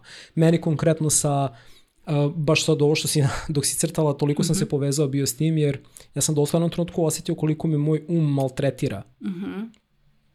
Mučite. jasno. Doslovno. da. I uh, koliko mi meditacija pomaže da ga zaustavim i da ga stavim na svoje mesto. I to je, eto recimo, da kažem, um kao prepreka, ne mora uopšte da bude mhm. fizička prepreka, već ta unutrašnja koja je mnogo perfidnija, jer uh, od, od fizičke možemo da se fizički sklonimo, da. ali od te unutrašnje teško možemo da pobegnemo. Tako Da li bi navela neku prepreku u tvom životu, gde mm -hmm. ti je mhm. meditacija pomogla, mislim da izađeš s njom na kraj? I da li bi podelila ovom prepreku? Pa svakako je bilo dosta prepreka, mislim život, jel? Sam život, ovaj, meditacija je svakako pomagala. Uh, Pa možda ipak nešto najdublje i možda najintimnije bi bilo za vreme rata, jel? 90-ih, 91. smo mi došli, ovaj, ja sam živjela u Hrvatskoj, krenuo je mhm. rat, došli smo ovaj, za Novi Sad u Srbiju i čitava familija je ipak meditirala. Mhm. Tu smo mi već e, nekako bili dublje u tome i ja mislim da je i meni i mojoj porodici strašno to značilo. Da se nekako što, sa što manje stresa i traume prođe kroz taj period mm. i da nekako nastaviš da se razvijaš dalje. Da ne ostaneš tamo gde jesi i da nema želju da se vratiš u nešto što više nije bilo najbolje. Kako nastaviti dalje i kako prihvatiti i ljude i kulturu i jezik i videti najbolje u tome ali ne da čovjek sebi sam govori super, ja u dubini duše ne osjeća to, nego istinski, a to može sa meditacijom. Da osjećaš da jesi dobro, da ljude koji su oko tebe su nekako čisti i prihvataju te i ti treba da uradiš najbolje što možeš da idemo dalje i tako smo uradili. I ja mislim da je veliki deo upravo bila u tom momentu meditacija. Da, kakav test, a? Da, Tako, da, da. eto, to je upravo Sad to, super tih, je da, da, da meditiraš, ali poka to je da, opet da, da, pokaži mi na primjeru, ja? Mm. Pokaži mi da li tvoja meditacija funkcioniš. Da. Zato kada pričam o rezultatima, želim uvek da vidim tvoju aktivnost. Super meditiraš, vidiš boje, kreativno, super, to je meditacija, ali daj da vidim tvoju aktivnost. Ako to ne valja, ako ti nisi dovoljno srećan i zadovoljan i ako ne ide baš najbolje i sve je teško, nešto ne, ne radiš kako treba treba, ajde da imamo šta nije u redu. Tako da tu je, ne samo za, mislim to je i za jogu i za sve ljude koji su sada u raznim tehnikama, mm-hmm. uvek je najbolji primer. Znači daj da vidim, a jel daj da vidim i kod sebe, a? to je upravo taj test. Toliko radim na sebi, kako da se sada sa ovom situacijom do kraja iznesem. I jako je važno, a Mahariš isto govori, umišljanje je gore od nemeditiranja. Umišljanje, ali to je kao, ej, sve je super, znači cool, sve. I onda da, kad da, pukneš, pukneš da, da. potpuno po šavovima, da, to da. nam se isto dešava da neko kaže, kako ovaj što sve vegetarijanac vežba, kako, kako on vama puku, nekako, kako nije dobro ili... A, mhm. jednostavno ovaj, moramo, moramo mm. biti jako, jako iskreni sami sa sobom, suočiti se sa tim, videti šta je tu, šta god je, uvek uvijek možda se popravi. Od sutra, e, ponovo, ako nisam meditirao neki period, e, od sutra počinjem. Ako nisam vežbala i osjećam da je telo loši u lošem stanju, od sutra. Znači uvek mo- mogu od danas. Znači tu, tu uvek možemo. Šta god da je bilo do sada, ok, ali od sada može bolje. Da li je u tom smislu meditacija za svakoga? Meditacija je za svako ko može normalno da misli ovaj, da nemamo neke baš poteškoće velike, jel? Da, su, da nisu neke jake psihoze, da nije to isto sada, mislim, obavi se razgovor i vidi se gde je gde je neko sa sobom. Mi isto preporuka je da smo veoma obazrivi, jer nam se dešavalo da ljudi koji žele strašno da nauče tehniku su tu, ali su već na jakim terapijama ili su uzimali jake droge ili kako god i onda nije najbolje da on možda uđe, uđe sa, sa tehnikom, mm -hmm. ali onda ostavljamo prostor da se oni ipak očiste jedan period. Zato je važno da kada učimo tehniku, nemamo primesu nekih drugih substanci, da bi mozak osetio prirodnim putem taj mir. Jednom kada se oseti ta dubina, on će želiti ponovo da ima to iskustvo. Mm-hmm. I zato nam je važno zapravo da bude što čistiji, potreban je taj jedan period.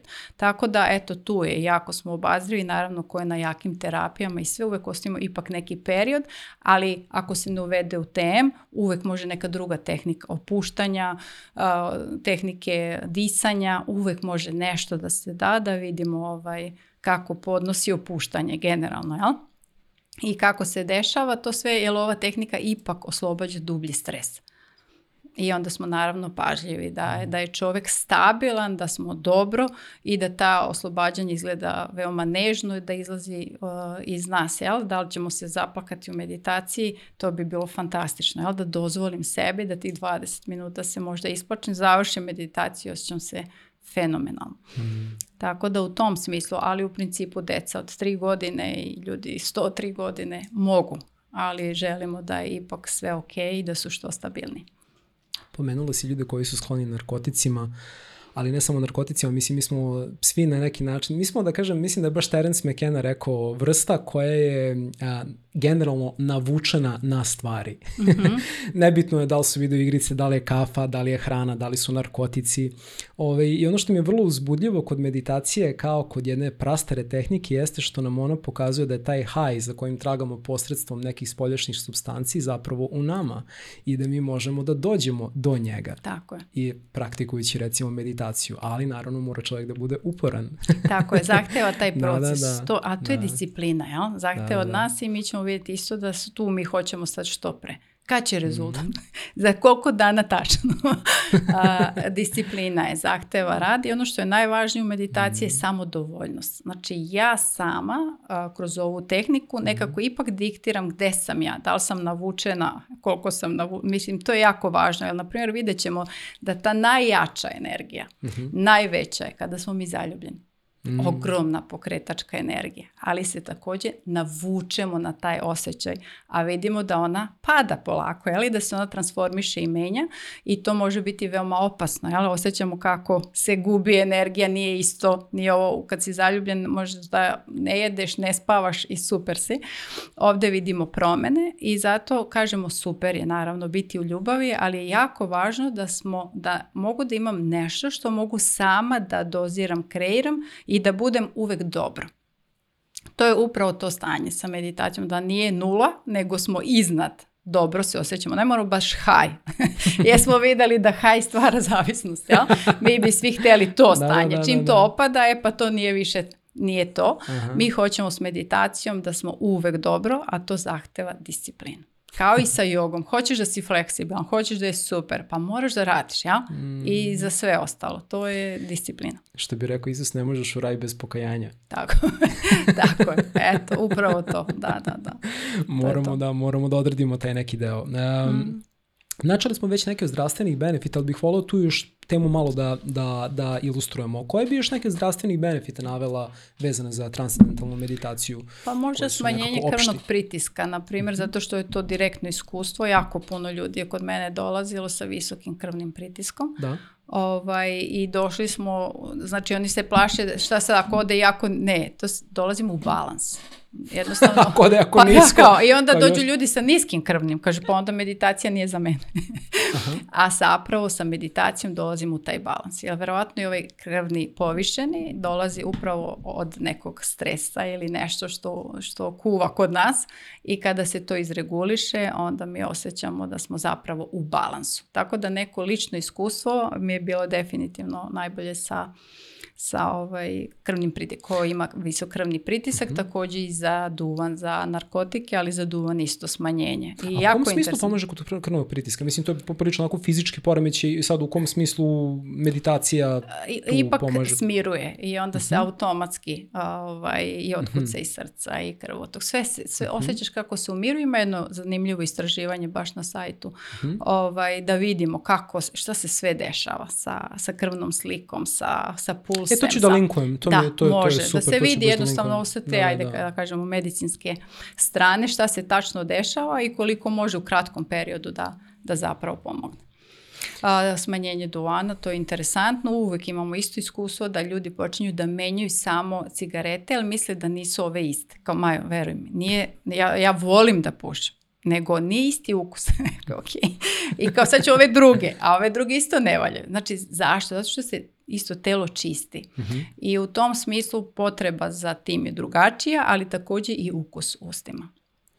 Nije to više to. I onda prirodno dođeš do nekog trenutka kad kažeš više vidi. Ne, da. dosta je. Hmm, zanimljivo, zanimljivo. Da, volio bi definitivno to da linkujem. I vraćajući se sad uh, izazovima koje smo pomenuli, možda jedan od najvećih izazova koji svi danas imamo jeste vreme. Mm-hmm. To je ono u nekakvom konstantnom deficitu. I što kažu danas nije onaj bogat koji ima novce, nego onaj koji ima vremena. I a, e, u tom smislu meditacija deluje kao zahvalan proces u smislu da ne oduzima puno vremena. Ti si dakle rekla dva puta po 20 minuta. Tako. Da li je to neki minim, minimum koji bismo mhm. trebali da odvojimo ili ljudi koji recimo nemaju praksu mogu da sednu i 5 minuta ili 10 minuta. Mislim, mm -hmm, da, da, li, da, li, da li se baš zahteva da bude 20 pa, minuta? Pa, gledamo po istraživanju, idealno. Dobro. Pričamo idealno, to je dva puta po 20 minuta. Ako mm -hmm. ne mhm. stižemo, 10 minuta, 5 minuta. Svakako je bolje nego ništa. A, znači rađeno istraživanje da 20 Tako minuta je. dovoljno da čovek Tako uspe je. da da se opusti, da mhm. uđe, da oslobodi neki stres, da izađe i da je potpuno ovaj, spreman za aktivnost. 5 minuta, 10 minuta, mi samo uvijek kažemo šta je najbolje, mhm. ali to je kao kad ne stižeš da se istuširaš, a umivanje svakako pomaže. Bolje nego da istrčiš samo. ali da. tih 5 minuta nas ipak osveži. A jedan put dnevno, recimo, mislim, je Svakako okay. je bolje nego ne. Apsolutno, da, da, da. Jednom da, su da, da. Makarišija pitali šta se dešava kada ne meditiraš. A on mhm. kaže, to mi je kao jedna super radnja, jako dobro opremljena, bogata i ti jednostavno odlučiš da zaključaš. I ništa se ne gubi, ali je moglo mnogo da se dobije aha, time što bi ona radila. Aha. E sad ujutro ili uveče? Recimo za ljude koji bi možda tali da probiju jednom. Šta se, šta se više savjetuje? Ja, da, ja isto kažem ne bi trebalo da se pravi razlika, jedna i druga su važne, ali takođe da. se dešava da ljudi neki mogu, zapravo jedino i kad mogu. I mhm. zbog mm -hmm. familije, i zbog svega je to možda ujutru kad svi odu i samci, ili je mm -hmm. to mhm. popodne i da ono što mi se dešava u poslednje vreme, ali to je prosto tako da ljudi nemaju mogućnosti gde, pa meditiraju u kolima na parkingu. Mm -hmm. znači, ispred posla dođeš, i pre posla, jer očigledno na poslu veliki stres i onda mm. jednostavno u kolima a, meditiraš. A, važ, mislim, važno je jedno i drugo zavisi gde smo mi, da li nam je potrebna taj kako smo spavali, ja? da li je potrebna možda ipak ta prva jutarnja da nas oslobodi ovog stresa koji je u toku noći ili se ne osjećam skroz dobro, nisam totalno motivisana jaka ujutru, važna nam je ta jutarnja, ili se toliko toga skupilo pa ću ovu popodnevnu jako mi je važno popodnevna da bi bolje spavala. Za ljude koji hoće da počnu, um, postoji taj jedan bitan proces inicijacije. Znači, uh -huh. da mhm. li ljudi koji žele da krenu da se bave transcendentalnom meditacijom, to jednostavno mogu da krenu da rade sami, odnosno koja je bitnost učitelja u celom tom uh mhm. -huh. procesu? Jasno, o, pa meditaciju svakako ne može preko interneta, knjige, ne može niko da ti prenese ko nije učitelj.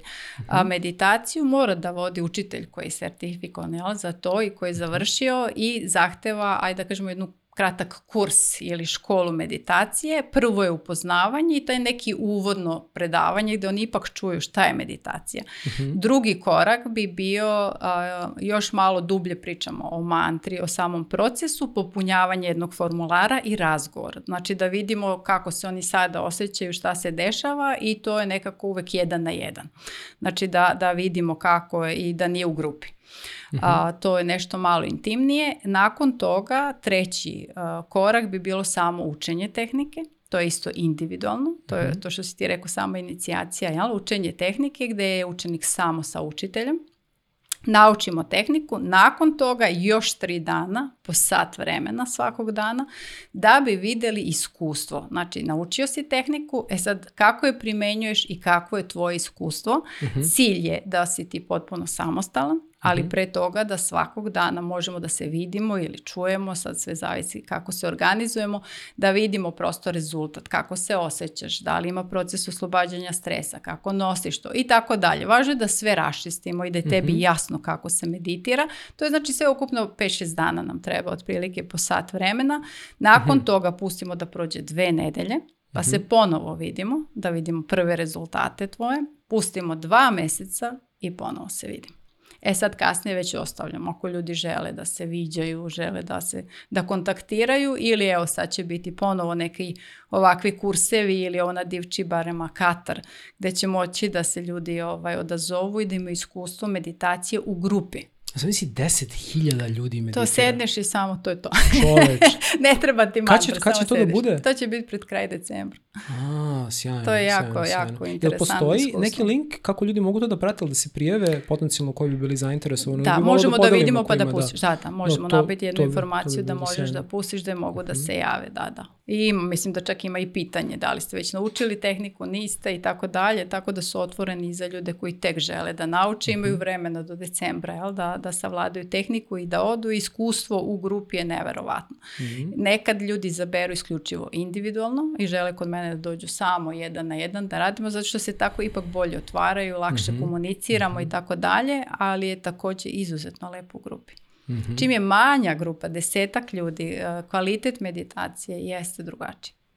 Šta misliš da su neke od najvećih prepreka koje ljudima koji su krenuli da meditiraju um, nekako s kojima se suočavaju i s kom... Recimo, meni je bilo dosada. Mm -hmm. I sad mhm. naravno u nekom trenutku uh, moraš da naučiš kako da se nosiš sa tima. To jeste velika prepre, prepreka, jednostavno ljudi su ono, ne mogu, kao jednostavno da, da, da. dosadno da. mi je. Šta bi dala kao savjet s ljudima koji se suočavaju recimo sa, sa tim nekim... A, pa ako je dosada uvek možemo malo da smanjimo, jel? Naravno mm -hmm. da bi mi želeli da je 20 minuta, ali može da se smanji vreme za početak i kako osjećamo da smo tu stabilniji i bolji ili se prevaziđe neka unutrašnja nervoza, mm -hmm. vidjet ćemo da ćemo polako da pređemo na 15 minuta i na kraju na 20. Mm -hmm. Nekada je pre meditacije potrebna tehnika disanja čitanja mm. ili slušanje određene muzike koja nas opušta ili kao da ne možemo iz neke velike aktivnosti sad da sednemo kao i u firmama. Malo je neka teže, kao je sad sve zaustavi i meditiraj.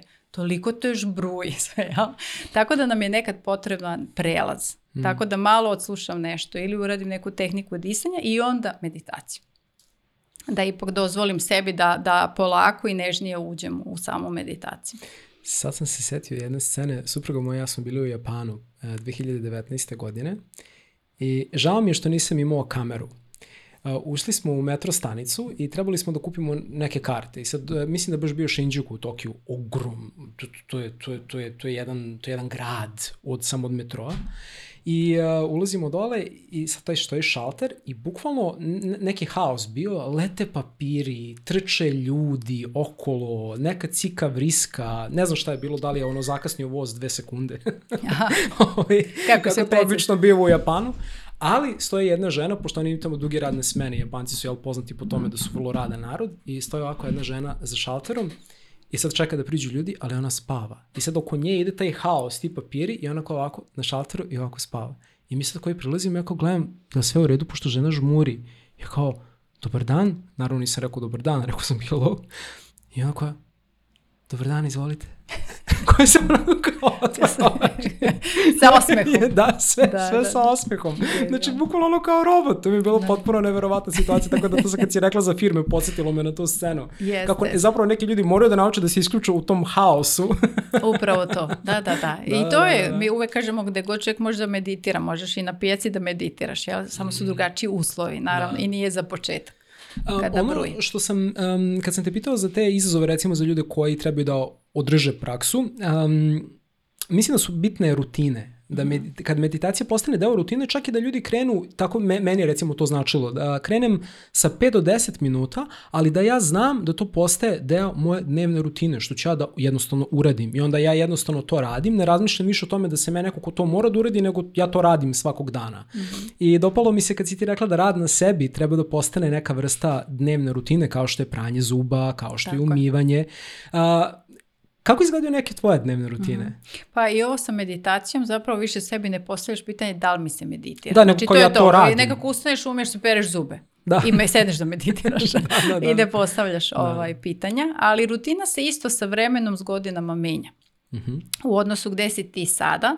Meni je sada, ranije naravno uvek pozdrav suncu, imaš svoje rutine, mučkanje ustima, ulja i tako dalje. Mhm. Sada jako volim da provodim vreme u lavandi, u prirodi, strašno me, biljke me zovu nekako i jako, jako volim, to mi je rutina, u toku dana ja moram da imam taj kontakt sa biljkama mhm. i jako volim da budem sa životinjama.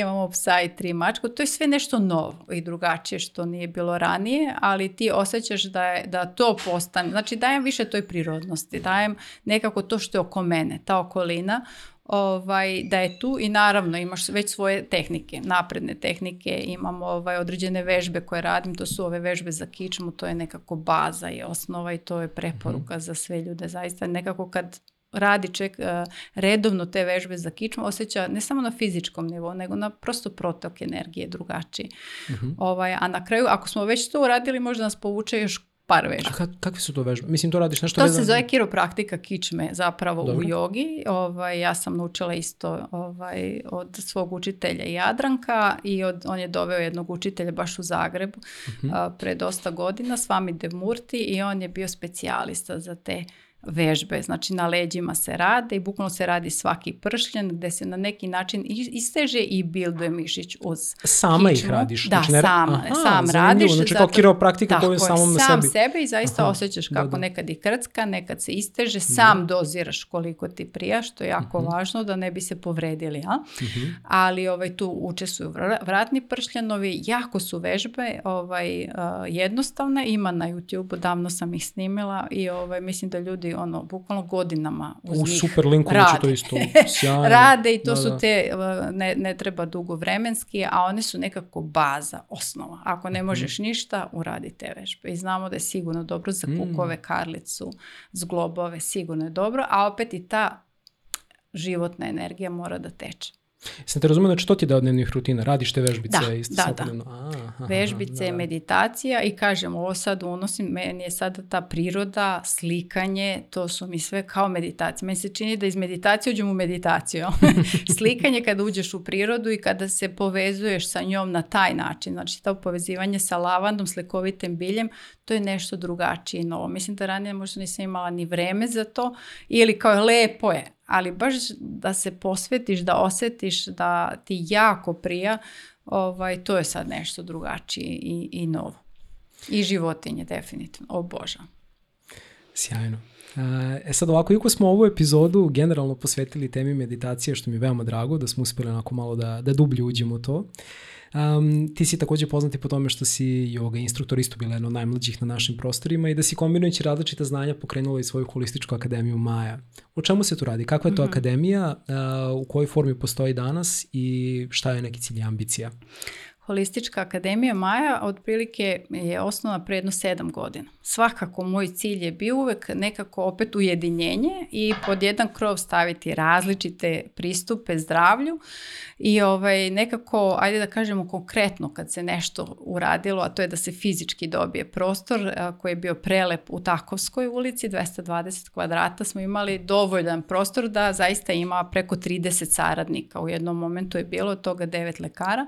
Hteli smo smo da budu različiti pristupi od kineske medicine, ajurvede, kvantne medicine, masaža, džotiša. Mislim, toliko različitih aspekata i kogod dođe kod nas na recepciju, mi ćemo za njega nešto naći. Jel?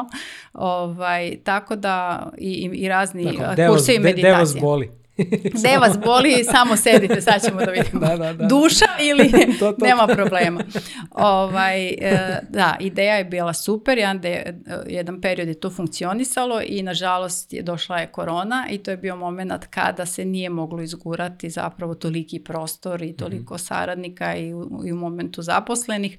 Tako da smo prešli na online, nastavili smo da funkcionišemo, ali više online. Suzili smo nekako, ovaj, u jednom momentu smo se zaista rasplivali prinuli na sve to i to je bilo jako puno ljudi. Onda smo suzili i fokus i energiju na par segmenata za koje mislimo da su zaista, da smo u njima najbolji i dobro se osjećamo. To je mhm. škola mm -hmm. Joge Maja koja i zapravo traje četiri godine, mhm. ozbiljna je, nije za ljude koji žele samo sertifikat, jel?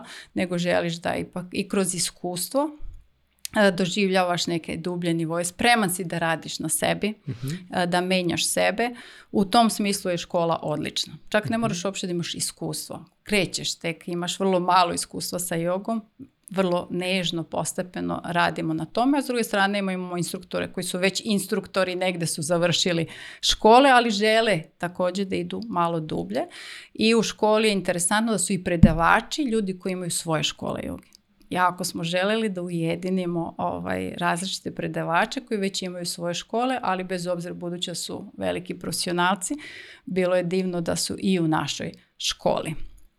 Imamo školu transcendentalne meditacije, imamo yoga retrite, to je nešto što ljudi vole i mislim da smo sad već poznati po tome, posebno Iver, Iver ovaj, i planina i to je interesantno, taj aktivni odmor ljudi to jako vole, da i meditiraš i yoga i šetaš i zdrava hrana i zapravo i druženje i u prirodi. Sljedeće uh godine krećemo i na more, tako da imamo i more i planinu, uh a ono što je najvažnije to je zapravo ovaj, gde smo sada i možda najbolji, to su kompanije kompanije, kompanijski programi i dosta kompanija se javlja i nekako nas angažuje da krenemo da radimo sa zaposlenima zato što je mhm. to zapravo a, možda najbolji korak da im se približimo ovaj, za sada, nažalost, su uglavnom strane firme, jel? koje mogu da i odvoji i razumeju ovaj, ceo postupak i budući da ljudi i zaposleni nemaju znanja, na primjer kada mi, ka, nemaju dovoljno znanja o tome kada im nudimo office jogu, da vežbaju jogu na stolici, da ne moraju da se preslače, mhm. ne treba prostirka, mogu da ostanu u štiklama, da radimo, da dišemo, da meditiramo i da to možda traje pola sata. I to, smo, to je super se pokazalo, pokazalo se dobro da obavezno idu u radno vreme, mhm. nikako posle radnog vremena, ali nije opet realno, ljudi moraju kući da idu, nego da zaista naprave jednu pauzu od svog posla, posvete se sebi, vrate se na posao i da to bude mnogo efikasnije i takođe te međuljudski odnos se popravlja radimo svi na tome da to bude dobro.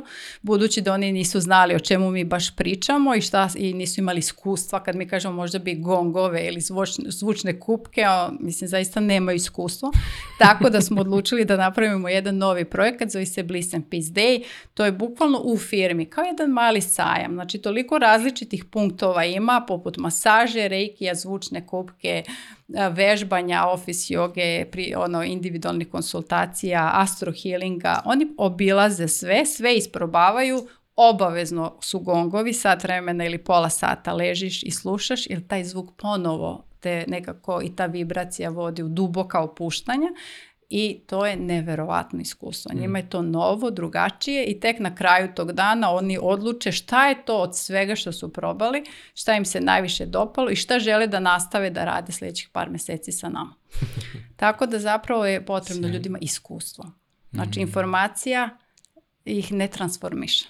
Važno je iskustvo. Uf, koliko je to bitno, da, to, to je ogromna tema, da, ja, e, mi smo toliko pretrpani informacijama u stvari u današnje vreme, tolika je prisutnost informacije kroz internet i kroz najrazličitije portale da smo, mislim, dosta u tom overdozu informacija i mislimo često iskustvo zamenjujemo informacijom, misleći je. da se punimo informacijama, da se punimo iskustvom, to je ogromna razlika i ovaj, kada čovek samo uradi neku najbazičniju stvar, ali iskustveno koliko je stvari to potentnije od same informacije. Tako je, ali mi kad krenemo mm. u razgovor ti više ljudi znaju, mislim čuli su, čitali su o meditaciji, da. čitali su jog, imaju informaciju, ali nemaju iskustvo. Kada da. oni uđu samo iskustvo, tu se situacija menja. Znači samo je potrebno da oni zapravo to dožive. Tako da imam odličan tim, sa mnom rade Željko Mojsilović i Maja Regoje i mi smo baš onako dobar, nepobedivi tim. Sjajno. Da li postoji neko mesto na internetu gde mogu da se nađu sve informacije vezano? Beograd.joga. Majabeograd.joga. Hoćeš da ponovim? Možeš samo da kažeš, možeš da kažeš da. Majabeograd.yoga. Aha, znači tu stavljate sve Tako i tu je. onda može sve da se, Jest, da se vidi za različite i za... Da, škola joge, sve. Sjajno. Linkovaću sve ovo o čemu smo pričali u ovoj epizodi, tako da za sve na vas koji ste ostali s nama do kraja moćete da se informišete u vezi svega ostalog i u vezi svega što je bilo bitno vezano za ovu današnju konverzaciju. Nadam se da ste naučili nešto novo o meditaciji, ja jesam. I hvala ti puno što si sa mnom podelila sve te informacije i što smo, nadam se, ovim razgovorom uspeli malo da demistifikujemo tu temu, zato što mislim da je neophodno. E, meditacija je već, da kažem, postala jedan pojem koji je dosta prisutan i ljudi već znaju za to, ali uprkos tome mislim da ljudi dalje ne znaju baš tačno šta ona predstavlja. A poenta je da se ta magla jala raspreši i da stvari budu jasne. Hvala, hvala. Ti, na, hvala ti na svemu što radiš. Hvala, hvala. Hvala i tebi i, i također na ovom što radiš. Širiš znanje negde u univerzu. Hvala ti. Nadam se da ćemo sljedeće gostovanje snimiti kod tebe na imanju. Kada Dogovoren. Bude bila. Hvala ti puno, Maja. Hvala što jednom svima vama što ste ostali s nama do kraja i vidimo se uskoro u nekoj novih epizoda Kosmičkih putnika. Ćao!